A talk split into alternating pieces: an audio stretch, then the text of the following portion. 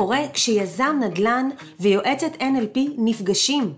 נולדת האלטרנטיבה. אז ברוכים הבאים לפודקאסט שמדבר נדל"ן בדרך אחרת, מנתח מספרים דרך דפוסי חשיבה ומראה שהתפתחות פיננסית היא כמו כל התפתחות אחרת, מתחילה קודם כל בנו. בואו נתחיל.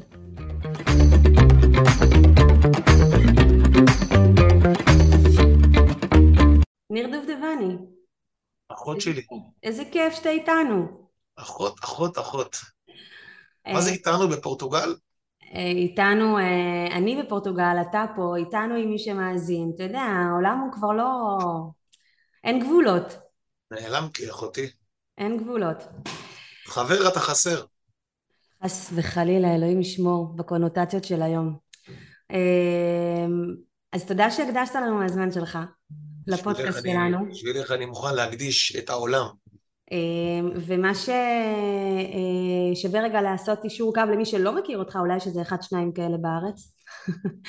אה, אז, אה, אז בוא נעשה רגע אישור קו, אני אשמח להציג אותך, כי, כי זה יהיה יותר נראה לי כזה... בוא נראה, בוא נראה אם את עוקבת. אם אני עוקבת.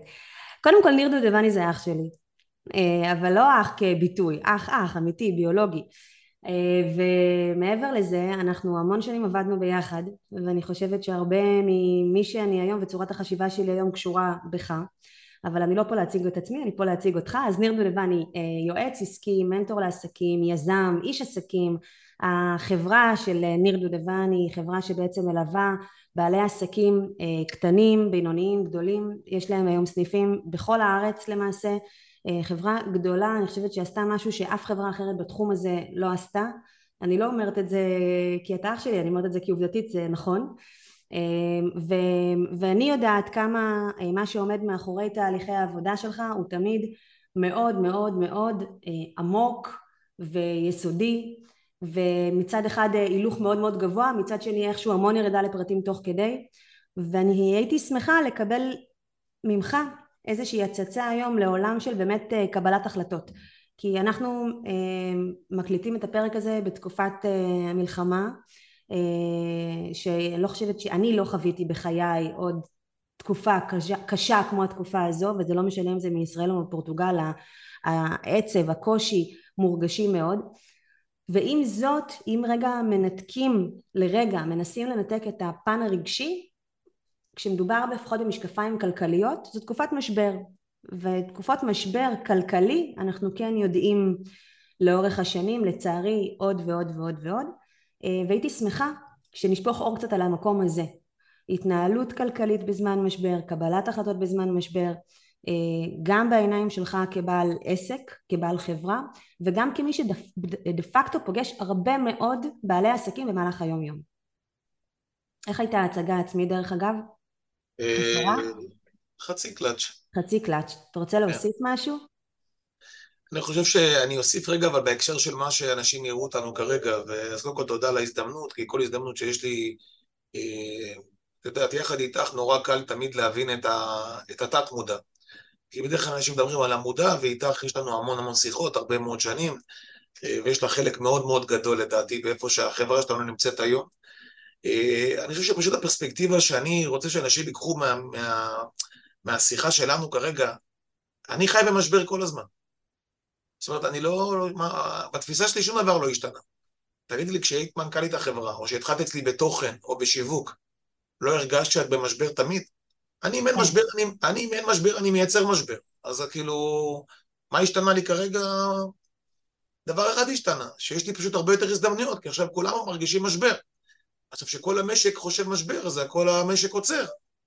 אז אם כל המשק עוצר, אז אני פשוט, יש לי יותר, יש לי פשוט הרבה יותר אופציות. וזה מה שאתה שיקרה לכולם כרגע. אה, יש כרגע הרבה הרבה הרבה יותר אופציות על המגרש, ומי שמבין את זה, אני תמיד חיפשתי הזדמנויות. אני אגיד לך רגע, אני אגיד לך רגע איפה אני חושבת, בסופו של דבר בעולם של השקעות ועולם של ייעוץ עסקי או עסקים, המחנה המשותף המאוד מאוד ברור לעין זה נושא של כסף. וזה גם הכפתור הכי רגיש אצל אנשים לדעתי ברמת החיבור למילה משבר כשלאנשים יש איום, כמובן איום על החיים זה לפני הכל, אבל אני שמה רגע, אנחנו מדברים היום, אנחנו, ברוך השם יש לנו... אבל אני רק רוצה לתקן אותך בדבר אחד, למה בן אדם לא חי בתפיסת משבר כל הזמן ומתנהג בשפע. אני, מי שמכיר אותי, אני כל, הזמן, חושב שאני רוצה יותר. זה לא בגלל שאני גרידי, זה בגלל שאני חושב שאני צריך להתאים את השפע ביקום, ואני צריך לקחת את הרמת יכולות שלי להתאים לשפע, ולא להתאים את השפע לרמת היכולות שלי. עכשיו, מה לעשות שהשפע הוא אינסופי לא כקלישאה, מי שמבין את זה, אין לזה גבולות. ואני מסתכל על התהליכים שלי, ואת מכירה אותי מהיום הראשון, ש... לא מהיום הראשון, אבל ממש העסק עוד היה, אה, בוא נגיד, אה, היינו עם, עם שמונה עובדים ושבעה עובדים. ו... ו... גם, לפני זה, היינו שלושה. אז, אז בדיוק, אז את יודעת, אני מסתכל היום על החברה שיש לה 400 עובדים, וגם כשאני רוכש חברות, כי היום אני, גם כשאני רוכש חברה, יש לי חברות שמתעסקות רק בהתפתחות אישית, כמו את אלון נולמן שרכשתי, או יש לנו חברות שמתעסקים היום במיזוגים ובהשקעות. את יודעת מה קורה לי עכשיו? יש לי חברה נקראת דוביז, שמתעסקת רק בקרנות, רק בהשקעות, רק במיזוגים, רק ברכישות. בחיים לא היה לי כל כך הרבה לידים. בחיים לא היה כזה כמות. הרי מחיר הסושיאלי עכשיו ירד בחצי, וכמות האנשים עלתה פי שתיים. ואת זוכרת שבקורונה, כן, בדיוק באתי להגיד את זה. אוטומטית עליתי לקמפיין בטלוויזיה, ודרך אגב, שבוע הבא אני שוב מתחיל לקמפיין בטלוויזיה.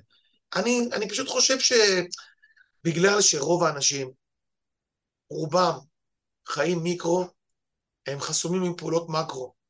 ובגלל שרוב האנשים חיים טקטי, הם לא מייצרים אסטרטגיה. ואם מישהו כרגע יראה אותנו, ואני חושב שחלק מההזדמנויות זה להבין שעל בסיס קבוע תחשוב שאתה במשבר, רק אל תחיה במשבר ברמה הנפשית. אבל ברמת הפוטנציאל, תגיד בואנה, זה לא נתפס מה אני יכול לייצר. אבל, אבל אם אני רוצה רגע להתעכב על מה שאתה אומר, ואני רוצה להתעכב על מה שאתה אומר, יש פה שני דברים שלדעתי חייבים להתייחס אליהם. קודם כל, להגיד את, ליישם את מה שאתה אומר כרגע, עובדתית, יש פה כשל אינהרנטי כי כשאתה, כי המוח הוא זה שמייצר מציאות, המוח הוא זה שמשפיע על הרגשות שלנו ואם אני במוח אומרת תתנהגי כמו משבר או תחשבי כמו במשבר אז אוטומטית אני חווה משבר ואז זה גורם לי להתנהג באוטומטים שלי של תקופת משבר. זאת אומרת אתה, אתה אומר את זה ו, וזה לא משהו שברור לי כל כך איך אפשר ליישם אותו אה, או לפחות שווה לשפוך על זה אור. זה דבר אחד. בגלל שמה שאמרת כרגע שבהנחת יסוד אין דבר כזה מציאות כן? אין דבר כזה מציאות חד משמעית okay. אוקיי. שאין דבר כזה מציאות זה, okay. זה, זה נתון בסימן שאלה שאין דבר כזה מציאות?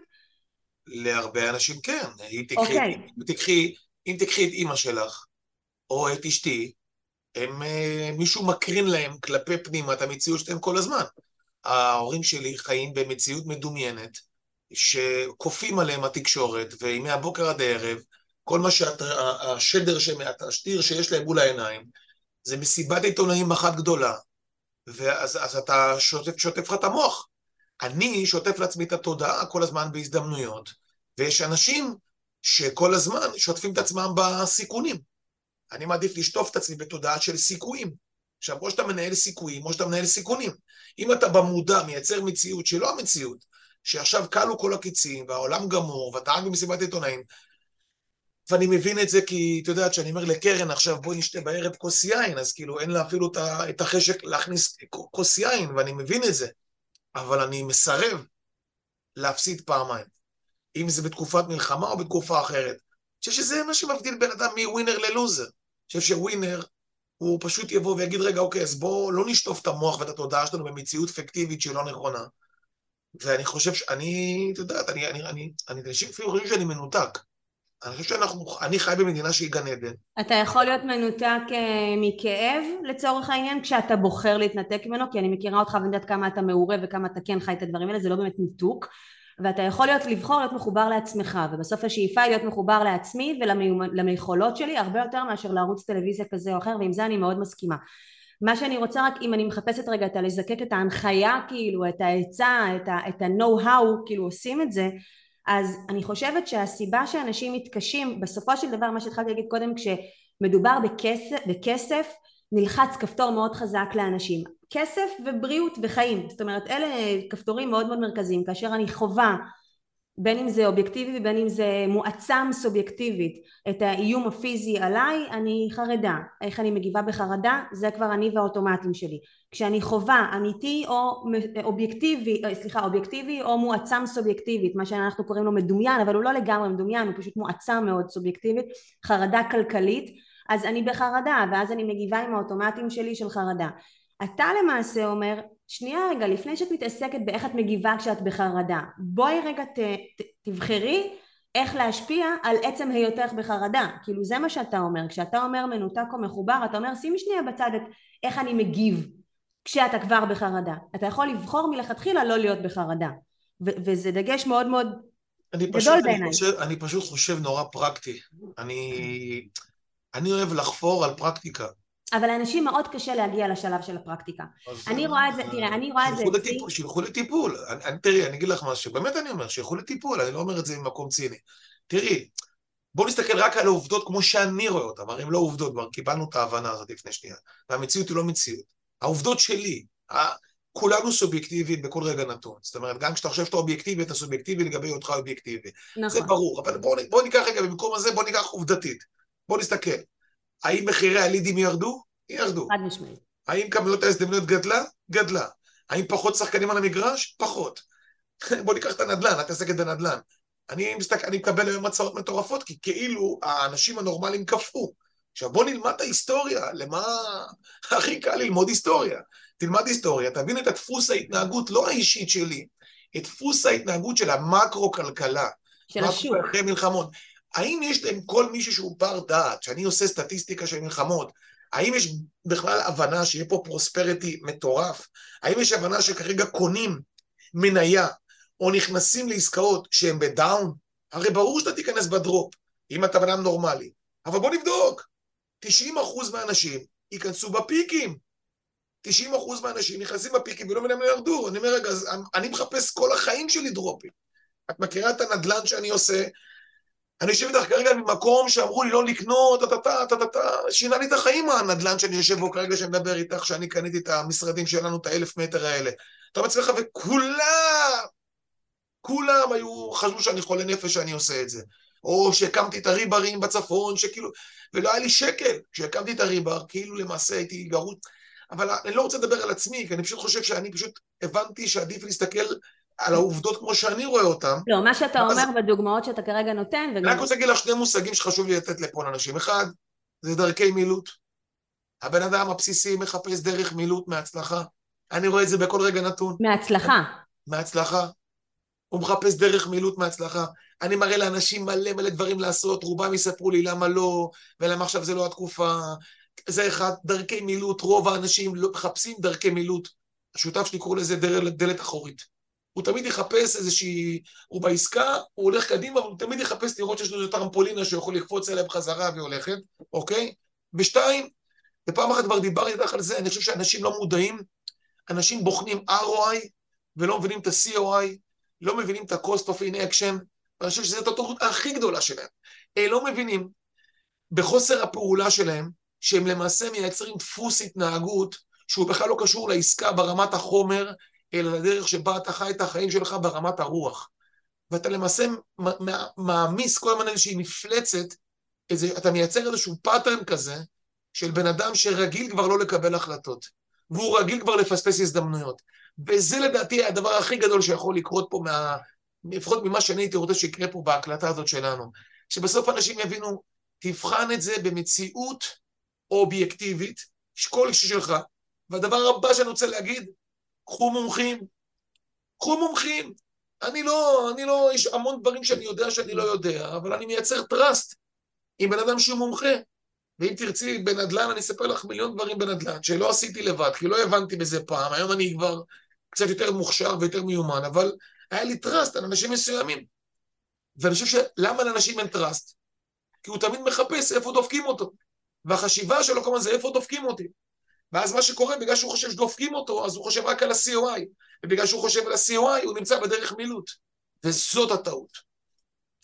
אם אני רגע לוקחת את מה שאתה אומר למונחים אה, יותר נגיד אה, נקרא לזה NLPיסטים אתה אומר בן אדם נמצא בחרדה מוצדקת או לא מוצדקת זה לא רלוונטי בכלל חוויה שלו היא תחושת חרדה וכתוצאה מכך אה, יכול לקפוא במקום יכול לעשות אחורה בשורה התחתונה לא לקבל את ההחלטות שנכון לא לקבל אותן למרות שאובייקטיבית נכון לא לקבל ואז אתה בעצם בא ואומר תבינו שחרדה זה מצב רגשי. הדרך לצאת ממצב רגשי היא להתעלות בעוגנים אובייקטיביים.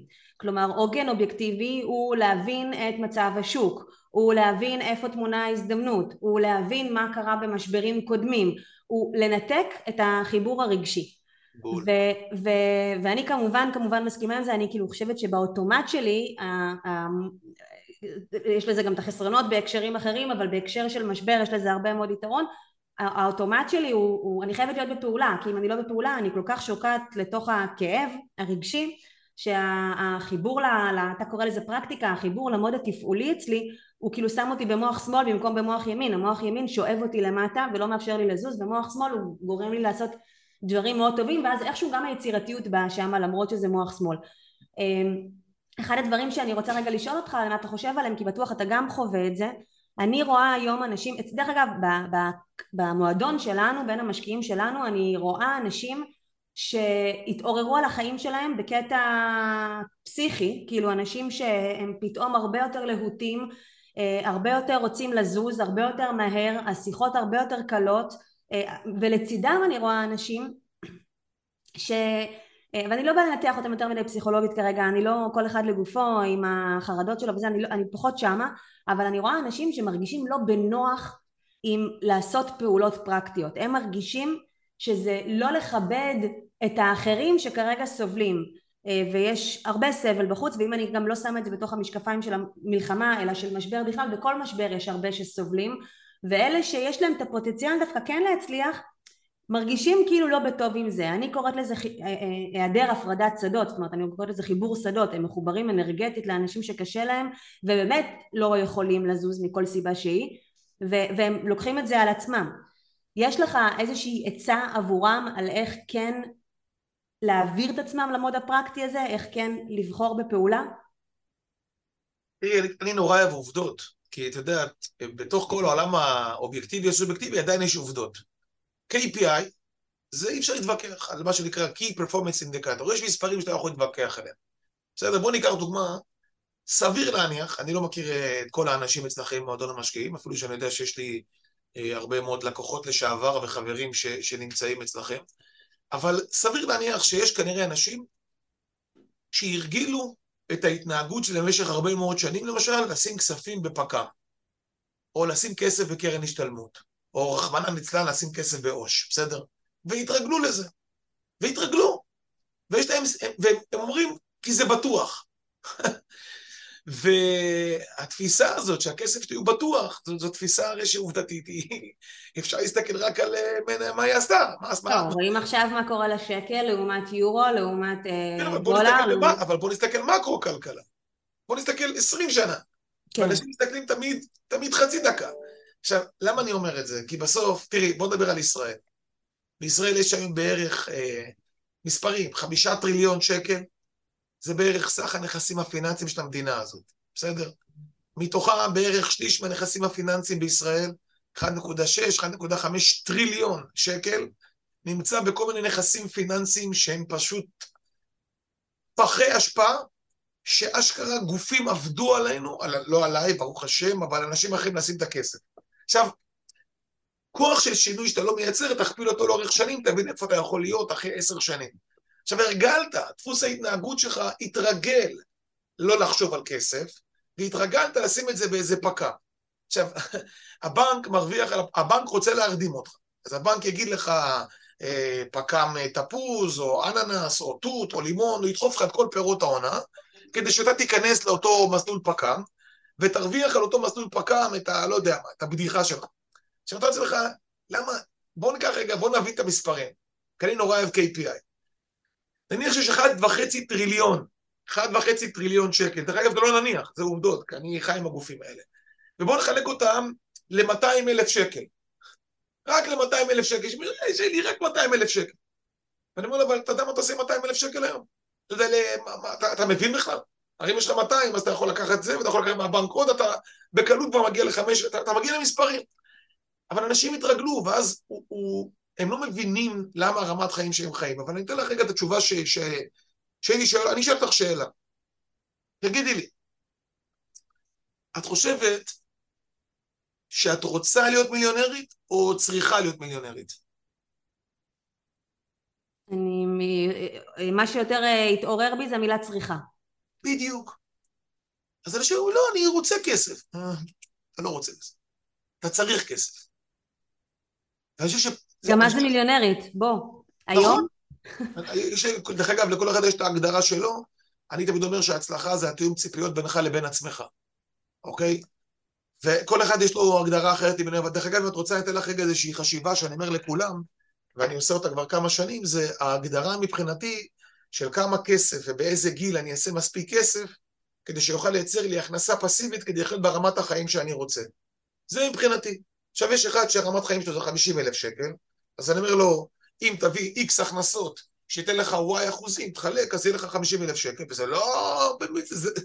אתה יודעת, אני, אני אומר, זה כל כך... לא רוצה להגיד קל, כי אז יישמע נורא מתנשא ופלצני, אבל זה באמת לא... לא דבר אה, אה מסובך, דבר אני לא הייתי אומרת שזה קל, אני הייתי אומרת שזה הרבה יותר קל ממה שהרגילו אותנו לחשוב. זאת אומרת, אני לא יודעת אם זה אני, קל, את לא אבל... לא מבינה, את לא מבינה מי כמה אני מצטער? ואני תמיד אומר, אל תצטער על מה שהיה, וזה, כל מיני חרטוטים כאלה, את לא מבינה כמה אני מצטער, שלא פגשתי אנשים מסוימים שפגשתי ב-15 שנה האחרונות, שלא פגשתי לפני 15 שנה. נגיד, קחי דוגמה נדל"ן. כמה אני מצטער שלא הבנתי נדל"ן בגיל 30-31. אה, כמה אני מצטער שהאסימונים ירדו לי בגיל 38. כמה אני, איפה הייתי, זה מטורף. עכשיו, זה לא קשור, זה קשור לפוטנציאל, או בוא ניקח דוגמה, ריסקים שאני לקחתי. שותפויות. הרבה אנשים אומרים, מה, לקחת את המותג ניר דובדבני ונתת אותו למישהו אחר? אנשים היו בשוק. אני אומר לעצמי, אם הייתי פוגש את השותף הזה לפני 15 שנה, אני היום, זה, זה מטורף. כי הבן אדם הזה, זה, זה כאילו, לקחת מחור כך. אתה אומר לעצמך, כי, כי, כי אנשים שלקחו אותך עד לפה לא ייקחו אותך מפה, ואתה רגיל להיות עם אותם אנשים שלקחו אותך עד לפה. גם האנשים, וגם הפעולות. כאילו, אם אני מתחברת את זה למה שאמרת לפני רגע, גם הפעולות שעשיתי עד היום, וגם אולי הביאו אותי למקום טוב, ואני, ויש לי משרה טובה, ואני בלה בלה בלה, לא ייקחו אותי לרמה הבאה. זאת אומרת, וזה משהו שאני חושבת שלצד הכפתור של כסף שנלחץ, ולצד הכפתור של משבר שנלחץ, ולצד כל הכפתורים הרגשיים שמגיעים בתקופות כמו משבר, כמו מלחמה, יש גם את העניין הזה של עצם הנושא של שינוי, פחד גדול מלעשות שינוי, ואצל הרבה אנשים השקעת נדל"ן היא לעשות שינוי, גם אם זה צעד שיכול לאחרים להיראות פשוט, כי זה חשבון פשוט בסוף, יש לך 200-300 אלף שקל, אתה במקום שתשים אותם בראש, תשים אותם באיזשהו פרויקט 2080, אתה תוך שנתיים הכפלת את הכסף, החשבון הוא מאוד מאוד פשוט. אבל זה לא משנה, כי זה נלחץ להם על איזשהו מקום של לעשות שינוי. אני רגיל שאני רואה ב- ביום יום, אני פותח את האפליקציה של הבנק, אני רואה את המספר הזה שם, עכשיו אני לא אראה את זה שם, אני אראה את זה במקום אחר.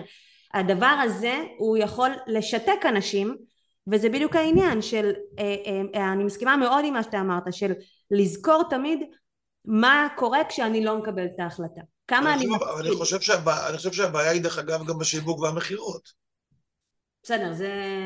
אתה מדבר כרגע עסקית. אני מדבר עסקית, אבל אני רוצה... אתה מדבר על איך אני גורמת לאחרים להבין את זה. אני, אני מדבר על זה שאת כל הזמן אומרת את המילה נדל"ן. ואני חושב שזו טעות, כי, כי... אני חושב שזה לא קשור עם נדל"ן. כי בסוף אף אחד לא קונה נדל"ן. אף אחד לא קונה אצלך נדל"ן. זה, זה... אני לא חושב שזה המשחק. אני חושב שהמילה נדל"ן היא מילה... שהיא למעשה, למעשה מה שמייצרת לבן אדם את, ה... את, המרחק בינו לבין קבלת ההחלטה. כי את לוקחת אותו לדומה שלו, אבל זה לא הדומה שלו, זה, זה השונה ממנו. כי בסוף את אומרת לו, אני, אני מאמין, כן, אני שוב, אני לא שמעתי את הפיץ' מכירה שלכם, אבל בגדול מה את אומרת לו? אני יכולה, כנראה, לייצר לך פי חמש על הדרך שבה אתה יודע להשקיע היום. כנראה. אם אתה היום רגיל להשקיע ולקבל איקס אחוזים, אני אוכל לייצר לך 300 אחוז, 400 אחוז גידול על, ה, על, ה, על ה, מה שנקרא cash on cash, על ההשקעה מול נכון, השקעה. נכון, על ההון העצמי. זה, זה השיחה. ואז כל השאלה, אם יש לו מספיק טראסט עלייך, שהוא אומר, אה, זה מיידוף, אה, זה עוד איזה אחד. זה מיידוב. מיידוב. אז אני אומר, כאילו, לא, חס וחלילה, אנחנו בטח לא, אנחנו נשמור על המותג שלנו. המותג שלנו תמיד צריך להישאר עם ערך מוחלט.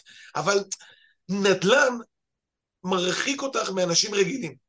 הוא יכול לחבר לך אולי יותר אנשי עסקים, שהם כבר רגילים, אה, זה נדל"ן, זאת אומרת, אני, יש לי נדל"ן, יש אחד, יש אחד שיגיד, אני, יש לי, אני משקיע, ב, יש, לי, יש לי גם נדל"ן בחו"ל, אז זה טוב לו. אבל יכול להיות שכיר שבקרן השתלמות שלו, אתה אומר נדל"ן בחו"ל, הוא לא ישן בלילה. אז בתת מודע לאחד להגיד, יש לי נדל"ן, אז הוא קנה סטטוס ושיר, ויגיד, כן, אה, לאחרונה השקעתי בפורטוגל, אני בפורטו, יש לי עכשיו איזה... אז זה טוב לו מאוד. והבחור עם קרן השתלמות, שיושב באיזה חברת הייטק, יש לו כרגע איזה 250 אלף שקל בקרן השתלמות שהיא כבר פתוחה לפני שנה והיא לא עושה שום דבר, הוא יפחד להגיד את זה. אז אני צריך למכור לו בצורה אחרת, כי הנדל"ן מרחיק אותו מהתוצאה שלו.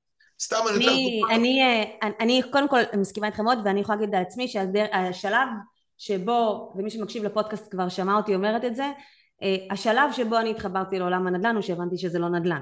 כאילו השלב שבו אני התחברתי לעולם הנדל"ן זה כשהבנתי שמדובר פה בהתפתחות אישית בדיוק כמו שלפני זה התעסקתי ב-NLP או בייעוץ עסקי או כשניהלתי את החברה שלך ו- וזה התפתחות אישית לכל דבר ועניין פשוט אצלך זה דרך העסק ופה זה דרך נדל"ן. זה עדיין התפתחות אישית לכל דבר ועניין ואני חושבת שגם היכולת לעבור שינויים ולקבל החלטות וכן לראות את עצמי פתאום כמישהי שהיא בעלת נכסים אחרי שכן עבדתי מאוד מאוד קשה בשביל הכסף שלי חודש בחודשו ופתאום אני יודעת להכניס למעשה זה כמו עוד הכנסה פסיבית זה כמו שאני אם אני עכשיו מחלקת את, אותו, את אותה הכפלה שדיברתי עליה לפי כמות חודשים זה לצורך העניין איזה עשרת אלפים שקל בחודש פחות או יותר פסיבי.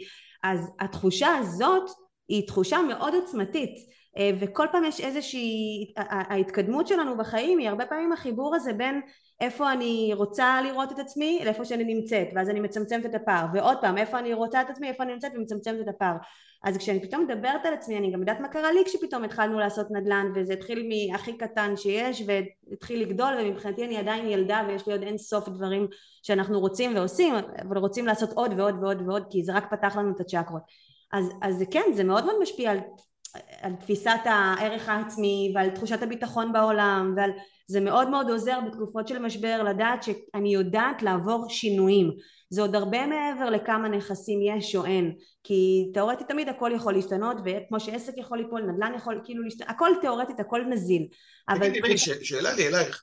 קודם כל, את, את, קודם כל לזכותך ייאמר שאת גם כשהיית אה, אה, מנכ"לית או עורכת דין במשרדים ועשית תיקים גדולים וכנראה גם תמותי ותרגיש שהיא ילדה, זה לא משנה, לא משנה בת כמה תהיה. זה כי האחים אה, הגדולים שלי הם אה, גדולים ממני בהרבה, ו... זהו, אז כנראה אני אומר את זה אבל נראה לי שתרגישי ילדה גם יהיה לך... אבל אני מתה על זה שאני מרגישה ילדה. לא, לא, נפלא, אני סתם... זה שם אותי בסקרנות, זה שם אותי כן. בלמידה, זה שם אותי בהתרגשות. לא, ברור, ברור, אני סתם צוחק, לא משנה, גם כשהיית מנכ"לית והובלת, אה, תמיד הרגשתי ילדה, זה הצחיק אותי.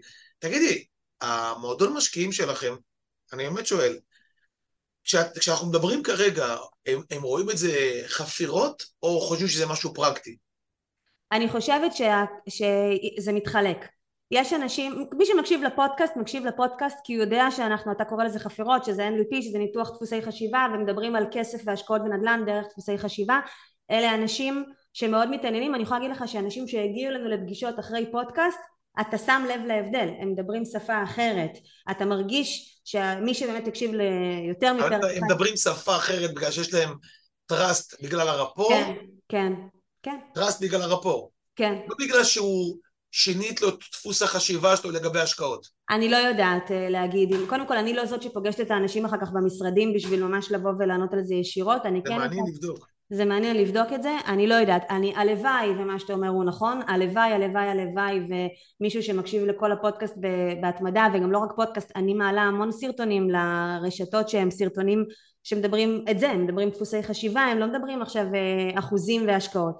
אה, אני, אני לא, אני כאילו, לא מעניין אותי עולם הנדל"ן אם אני לא מבינה איך הוא גורם לי להיות בן אדם יותר גדול ויותר חזק ויותר טוב ויותר ויותר מבסוט ויותר, כאילו זה לא מעניין אותי כל ה... אה, אבל כן. יש גם את הלקוחות שזה לא השפה שלהם והם באים ומדברים נורא נורא טכני ונורא אחוזים וזה וזה וזה וזה גם בסדר. איך תבטיח לי, איך תוכל להבטיח לי? כן. אני אני מוקף בכל מיני עכשיו סיפורים של אה, אנשים שכאילו, אני, אני בגיל כזה שכולם נורא אוהב לדבר על המורק שלהם. בסדר? כי אתה מגיע לגיל כזה, שאתה פתאום מתחיל לשמוע כולם מאיפה התחלתי, ואני מוקף בסיפורי איפה התחלתי. אבי תמיד אומר לי שאנחנו עושים איזה משהו, תמיד אומר את המשפט, לא רע לילד מרמלה וילד מהקריות. כאילו זה המשפט שלו. תגיד לי, בוא, יצרנו שווי חברה שהיא לא רע לילד מרמלה וילד מהקריות. או נגיד אתמול דיברתי... אתה מבין מה היתרון בלהרגיש ילדה? אני, כן. אני עכשיו הילדה, כאילו. אני תמיד הרגשתי אבל דוד, אז זה לא משנה, תמיד הרגשתי מבוגר. גם כשהייתי ילד הרגשתי מבוגר נכון. באופן שלי, אז כאילו... אני רק עכשיו, אני, אני חושב שאולי הגעתי ל... הגיל הכרונולוגי והגיל המנטלי שלי התחבר לא מזמן בכלל. זה חיבורים שנפגשנו רק לפני כמה שנים, אני הייתי בפגישה כזאת בין הזה. אבל איך קוראים לסרט הזה? עם בטן, איך קוראים לו? ש... כן, כן, כן, ש... כן. שכחתי את השם שלו. ליאונרדו דיקפריו לדעתי עושה את זה, לא, לא זוכר. אה, אני רוצה להגיד לך רגע איזה משהו, אני חושב שכאילו מה שהייתי רוצה נורא שיקרה למי שרואה אותנו. את יודעת, אני, הרי באנו אנחנו מהקריות, ואני לא אשכח, כשעברתי, ל... כשהתחלתי לעבור למרכז דרך Holmes Place, ותמיד הייתי אומר לקרן, מי המטומטם שגר בבית כזה וכזה וכזה? תמיד הייתי אומר לזה, מי האידיוט? הייתי אומר לקרן, מי המטומטם ששם כל כך הרבה כסף על בית כזה וכזה וכזה? ו... והיום אני אומר, מי המטומטם שלו?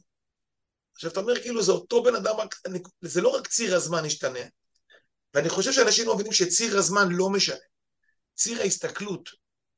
עכשיו, כדי שיעבור, במקום שיעבור ציר הזמן, מה שאני מציע לאנשים זה לשנות את ציר ההסתכלות. כי ציר הזמן, הוא לא עושה שום דבר. הפרספקטיבה, על זה אנשים צריכים להשקיע מאמץ. ואם לא הייתי, ובמקום שהייתי שואל את השאלה המטומטמת ששאלתי פעם, מי צריך את זה, פשוט לשאול איך הם עשו את זה. וכששאלתי מי הם עשו את זה, אני, ניר, דיברתי אליהם בבוז ובתחושה שזה אנשי חומר, וזה שפוני אנס, וזה לפוזה, ולמה צריך בית ב-15 מיליון שקל, ולמה צריך אוטו שעולה 800 אלף שקל או מיליון שקל, ו- ואני אומר, תמיד הייתי אומר לעצמי, רגע, בכסף הזה, בעודף, אני קונה מלא בתים, ו- ולמה צריך לנסוע ביזנס? ולמה צריך לנסוע מחלקה ראשונה? במקום לשאול את הלמה, וזה מה שאני יודע שיקרה לכולם, שאלו את האיך. כן, אבל אתה יודע שאם הולכים יותר עמוק, הסיבה שאנשים שואלים למה, ואני כרגע לא עסוקה בלנתח אותך, אלא איזה שהם דפוסים כלליים, הסיבה שאנשים מרחיקים את זה מעצמם, זה כי הם לא באמת מאמינים שזה יוכל להיות שלהם אי פעם, ואז הם צריכים להגן על התפיסת עצמי שלהם, ש, שבכל זאת, כאילו, אני בסדר גם אם אני לא שמה. אבל רגע, אבל בוא ניקח את זה לפרקטיקה, כי פשוט לא בנו תוכנית. זה הכל. את יודעת, את צריכה את החומר שלי טוב. תמיד אני אגיד ששיטה, לדעתי יותר חזקה מתודעה. או, או לפחות בוא נאמר, תמיד אני אומר שמה שעבד לי, זה שהשיטה יותר חזקה מתודעה. כי אני אמרתי, לא הגיוני לי, לא הגיוני לי, שהוא יהיה ככה ואני לא אהיה ככה. וכשהתחלתי להכיר את האנשים האלה, עוד יותר אמרתי זה לא הגיוני. כי כשהייתי רחוק מהם אמרתי זה לא הגיוני, וכשהתחלתי להתקרב לכל מיני אנשים שעשו דברים גדולים במדינה, תמיד הייתי אומר לעצמי, what the fuck, איך הדפקט הזה הוא עושה דברים כאלה גדולים. דרך אגב, גדולים לא תמיד בכסף. איך יש לו כזה זמן איכות, איך הוא יותר מבלה עם אשתו, איך הוא נוסע לחו"ל עכשיו לחודש, הייתי משתגע. הייתי משתגע. איך אנשים נוסעים, שלושה שבועות לחו"ל עם כל המשפחה, ארה"ב, ומה קורה עם העסק וזה.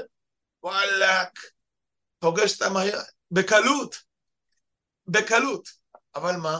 במקום להסתכל על ציר הזמן, זה הפרספקטיבה צריכה להשתנות, וזה מה שאני חושב ש... אני, אני יכולה להגיד לך את אותה דוגמה על, על המעבר שלנו לפורטוגל. יש לנו עסק בארץ, העובדים שלנו בארץ, יש עכשיו גם סניף פה, ברוך השם, וגם משרדים, אבל זה במקור הסניף בארץ והצוות בארץ והלקוחות בארץ, והיה סימן שאלה מאוד גדול על איך אפשר לנהל עסק מרחוק, ואיך להיות בשליטה על העסק מרחוק, ואיך אפשר לוודא שהערך הגבוה שחשוב לנו לתת עובר כשזה מרחוק, וכל עוד המחשבה הייתה אין סיכוי זה בלתי אפשרי אז לא יכולנו לעשות את הצעד. אה, וברגע שאמרנו שנייה אני לא יודעת אם זה אפשרי או לא אפשרי אני, אני, לא, אני לא באה לעבוד על עצמי אני רוצה רגע לחשוב נניח ויש דרך איך זה היה נראה. אני מדמיינת את זה.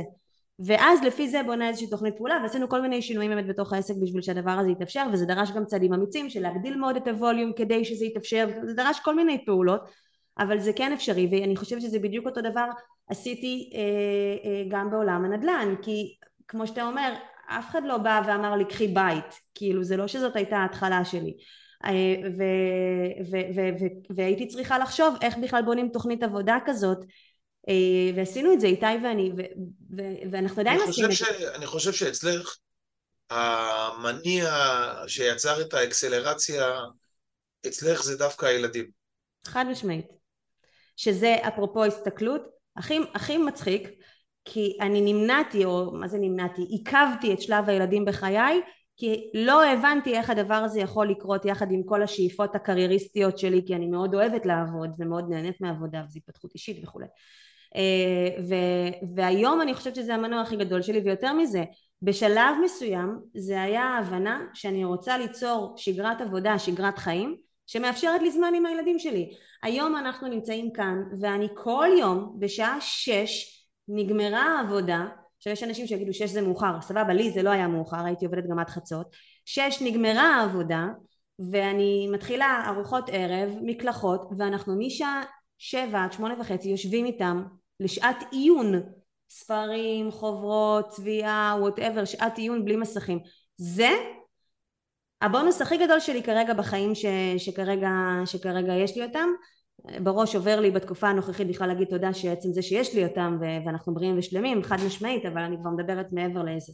ו- ו- וכן אני חושבת שבלי לעשות צעדים גם בעולם הנדל"ן גם בעולם העסקי לא היה מתאפשר שגרת חיים כזאת. זה לא היה מתאפשר ואני כן חושבת שזה אפשרי לכולם ואני כן חושבת שזה המהות זה, אני לא יודעת יש מישהו שלא היה רוצה יותר זמן פנאי עזוב רגע אם הוא יבלה את הזמן פנאי שלו עם עצמו בקאנטרי בחדר כושר עם אשתו עם הילדים עם הסבא סבתא.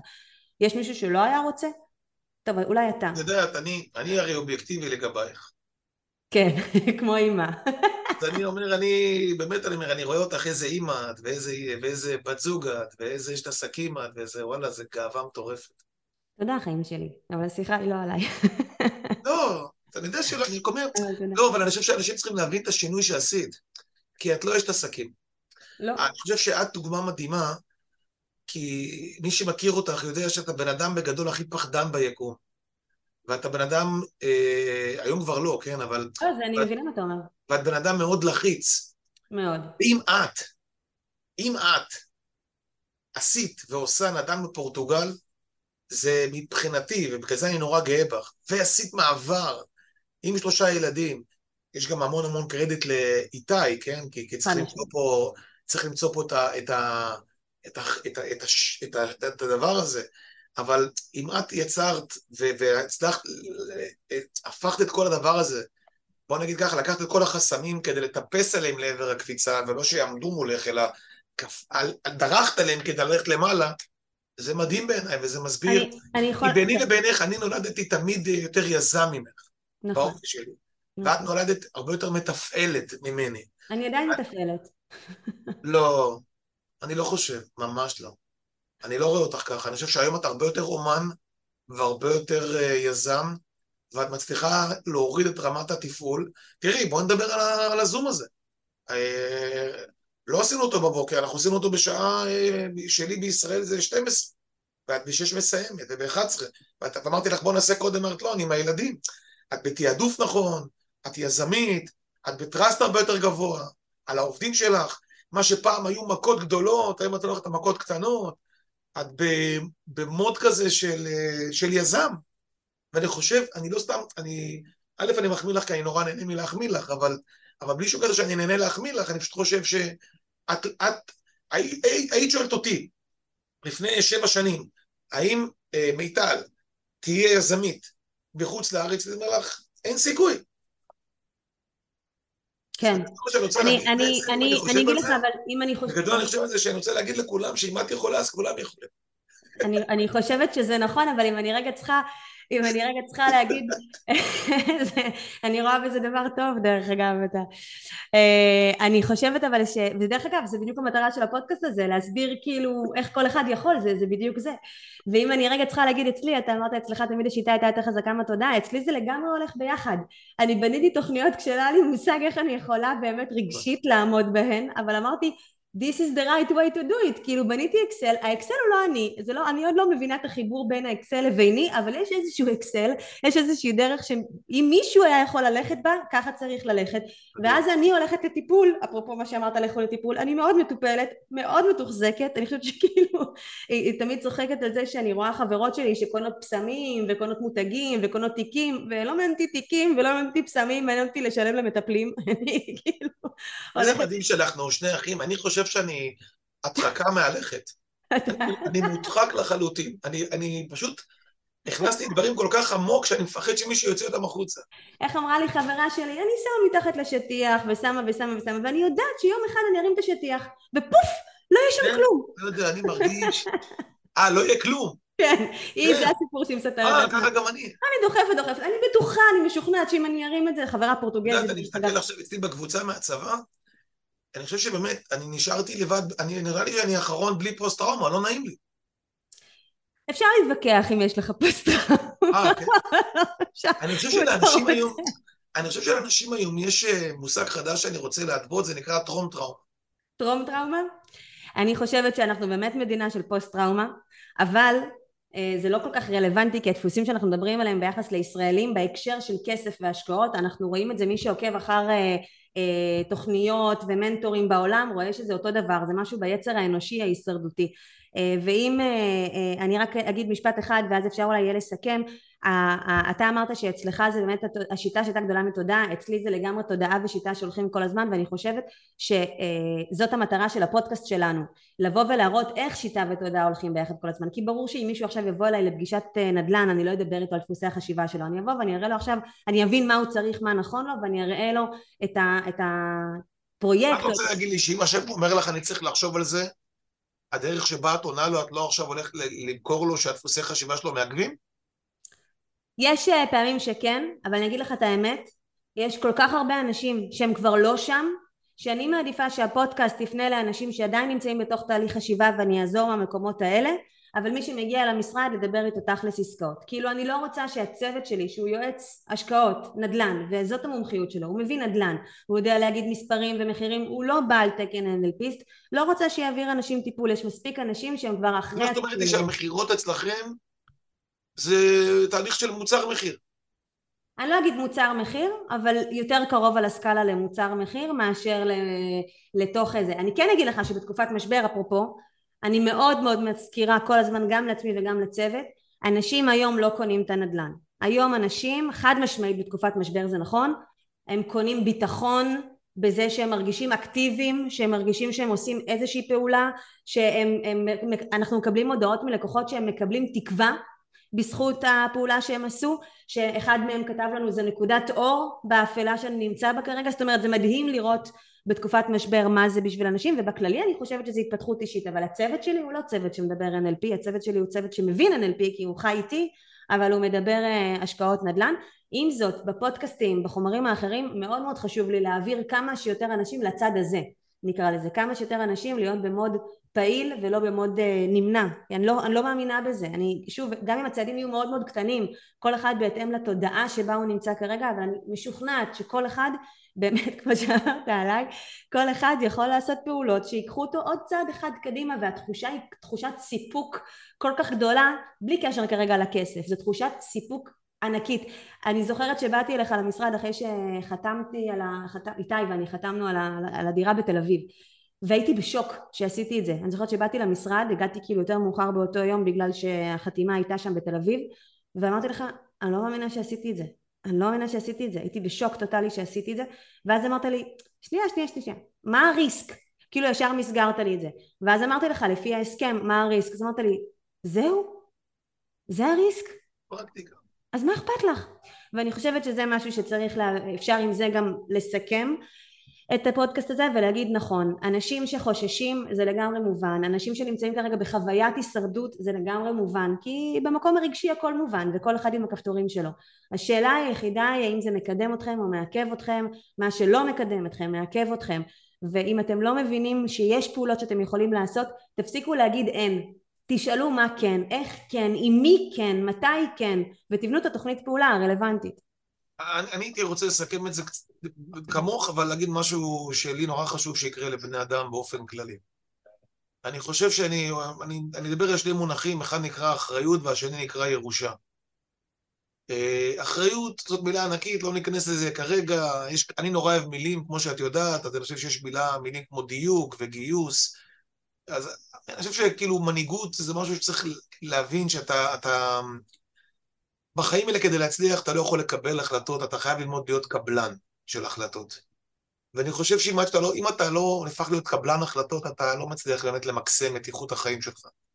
ואני חושב שיש לנו אחריות נורא כבדה, ואני תמיד מסתכל על האחריות שלי, ואני חושב, מי, שזה מה שקרה גם לך מאז שהגיעו הילדים לעולם. אני חושב שרמת האחריות שלך, כי כשאת היית עם איתי לבד, אז אה, לא, לא יודע אם לא, לא יודע אם לא, לא רוצה להגיד לא הבנת, אבל תחושת אחריות לא הייתה בכל נים בווריד שלך.